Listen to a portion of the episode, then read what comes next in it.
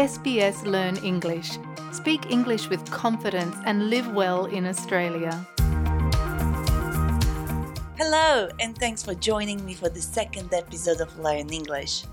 My name is Josipa. Hello. Hi, Josipa. How are you? Hi, hello. Hi. Hello. I have invited some friends to help us learn some expressions we might find useful during the upcoming holidays.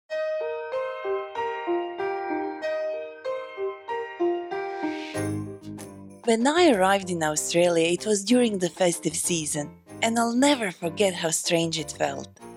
For someone coming from Europe, December was always the month when I would put on extra layers of warm clothing. But in Australia, I was walking around in tongues looking for a summer dress for the New Year's Eve celebration. I have to admit, it felt a bit strange at the beginning. Outside was boiling hot, but shops were full of Christmas decorations with pine trees, fake snow, and fake winter wonderlands. And then there was Santa Claus. I mean, the guy was wearing shorts and tongs, and in some shops, he was even riding a surfboard. He was definitely not the Santa I knew. But what Santa wore didn't actually matter, because I was happy to be here, and it felt like I was turning over a new leaf. Wait, I hope you don't think I'm talking about reading a book. No, Josipa, to turn over a new leaf means to start something new and fresh. We can also use this expression if we want to say that we are going to start behaving in a better way. Thanks, Minyu and Allah. Looks like my colleagues are very keen to help. Minyu is from SBS Chinese, Hello. and Allah is from SBS Arabic. Hello. So, where was I? Oh, yes. Let's use this new expression in a sentence. Um, I know. In 2022, I promised to turn over a new leaf by watching less television. During lockdown, I watched a lot of TV crime shows. I knew that I should be working, but it was my guilty pleasure. Guys, do you know what a guilty pleasure means? It's something we enjoy doing, but at the same time, we are not proud of it, so we feel guilty. Maybe we would even be embarrassed if other people found out about it. I have a friend who enjoys reading gossip magazines when she is alone at home. She doesn't want anyone to know about it because she feels guilty about reading such things. And I know someone in office who likes to eat chocolate when she thinks nobody's watching. Okay, Minyu. I admit that I have more than one guilty pleasure. I mean, who doesn't? Come on. We all have them. Have a think. What's yours?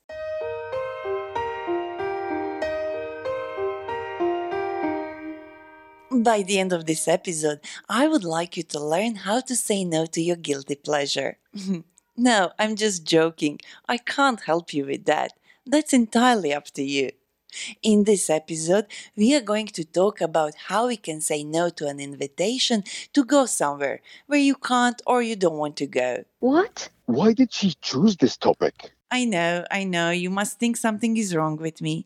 New Year's Eve is around the corner, the COVID restrictions have eased, and here I am trying to learn different ways how to say no to a party. But that's exactly why.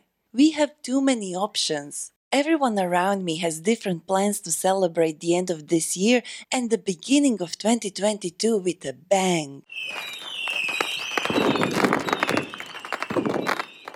Maybe she needs to explain that doing something with a band means to do it in a way that is very exciting, dramatic, and that doesn't necessarily include fireworks or parties.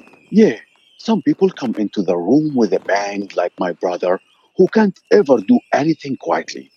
You can do many things with a bang, like start a career with a bang if you get a great job, or improve your speaking skills with a bang. With this lesson, as soon as Josipa gets to the point. Look, my point is that I do have friends in Sydney, but not that many, and my family is overseas. And still, I got invited to three different parties. Now you see why I will have to say no to some of my friends. I'm sure some of you feel the same way. I don't. Me neither. Guys, not helping. Okay, I realized I'm not the only one with this problem while speaking with my other friends. And some of them use the really interesting expressions to say, No, I can't go. Because in Australia it's important to be polite and a bit sorry when declining an invitation. Otherwise, we might hurt our relationship with the other person or offend them, and we don't want to do that. So let's hear what some of my friends said.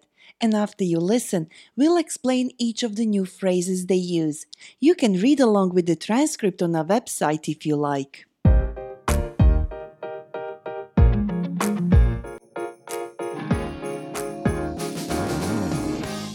Oh, we have a tradition of going on long hikes on New Year's Eve with my sister and her family.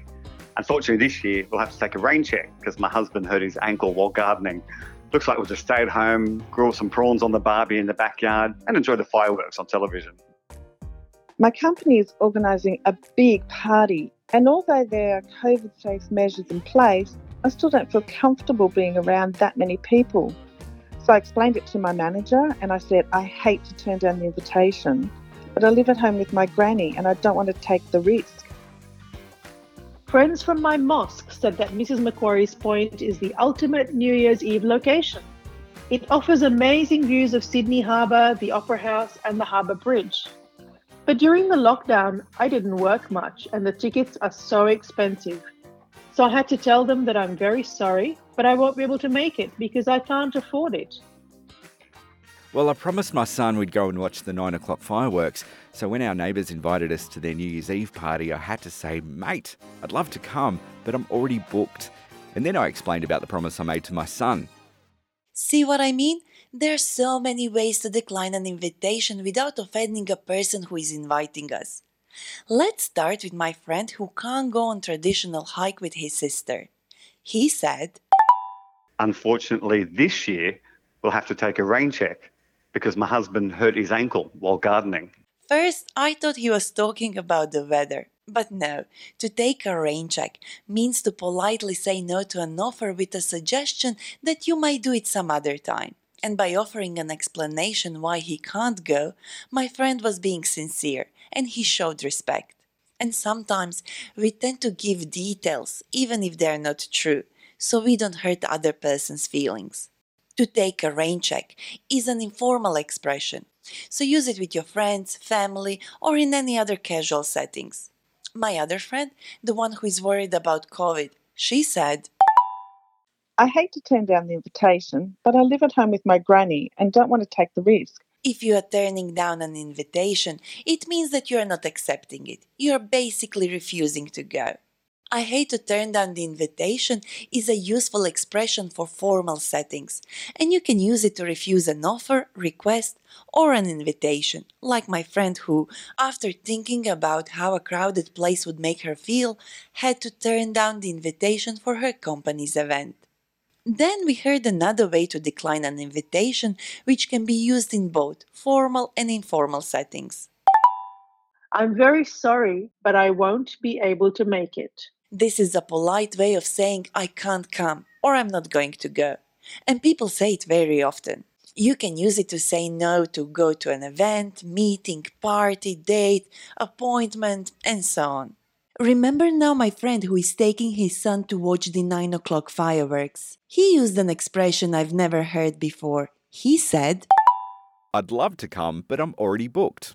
I'd love to come, but I'm already booked.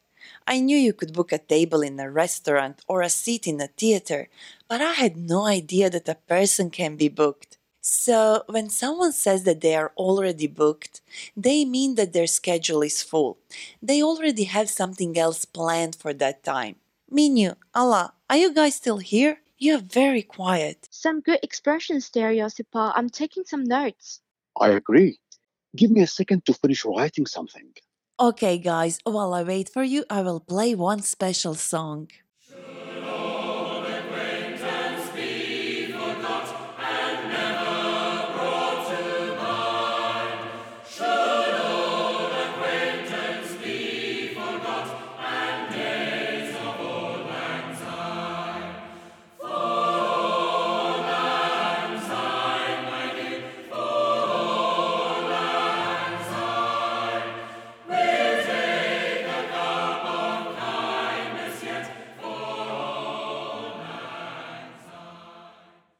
This song is called Auld Lang Syne and it comes from Scotland.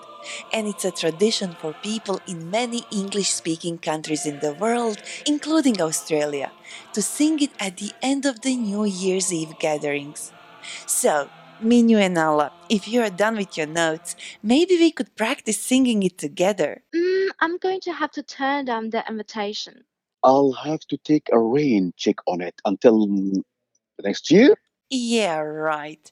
Okay, well, the only thing left for us to do is to quickly revisit expressions we used in this episode. See if you can remember the meaning of these words before Allah and Minyu say it. To turn over a new leaf is To turn over a new leaf means to start doing something in a new way. It can also mean that we are going to start behaving in a better, more socially acceptable way. a guilty pleasure is An activity we enjoy doing, but at the same time, we are not proud of it. what does start with a bang mean? Start with a bang means something started in a very exciting, dramatic, and successful way.